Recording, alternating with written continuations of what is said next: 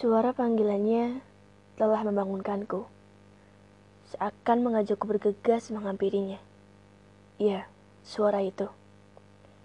Ia lebih dulu muncul sebelum suara panggilan lainnya.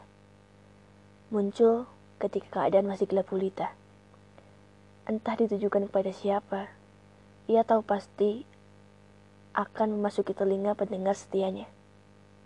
Keadaan pagi yang gelap tidak menghalanginya buat meninggalkan nikmatnya kasur harum dan hangat dalam dinginnya udara.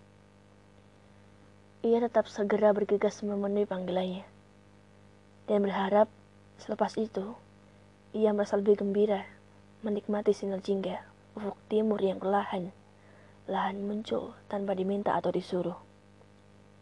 Sinar itu mulai menghentam bumi, memberikan kehidupan bagi siapa pun yang dilewatinya.